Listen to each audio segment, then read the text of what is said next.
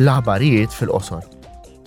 Il-ftehim milħuq fil-COP 27 f'Sharm el Sheikh ma huwiex biżżejjed jekk id-dinja trid tilħaq il-miri li jikkonċernaw il-qasam tal-klima.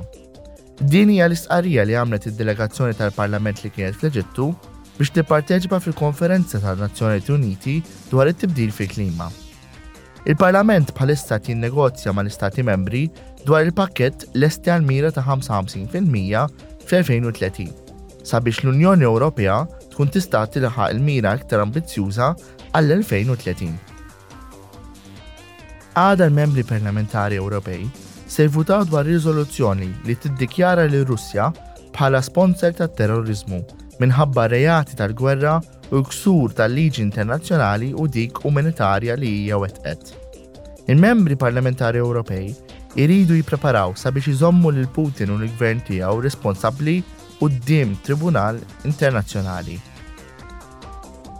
Għada wkoll il-Membri Parlamentari Ewropej se jiddiskutu u jivvutaw fuq l-għajnuna lill-Ukrajna fil-ħtiġijiet tagħha relatati mal-finanzjament fuq terminu qasir permezz ta' self ta' 18-il biljun ewro għall-2023.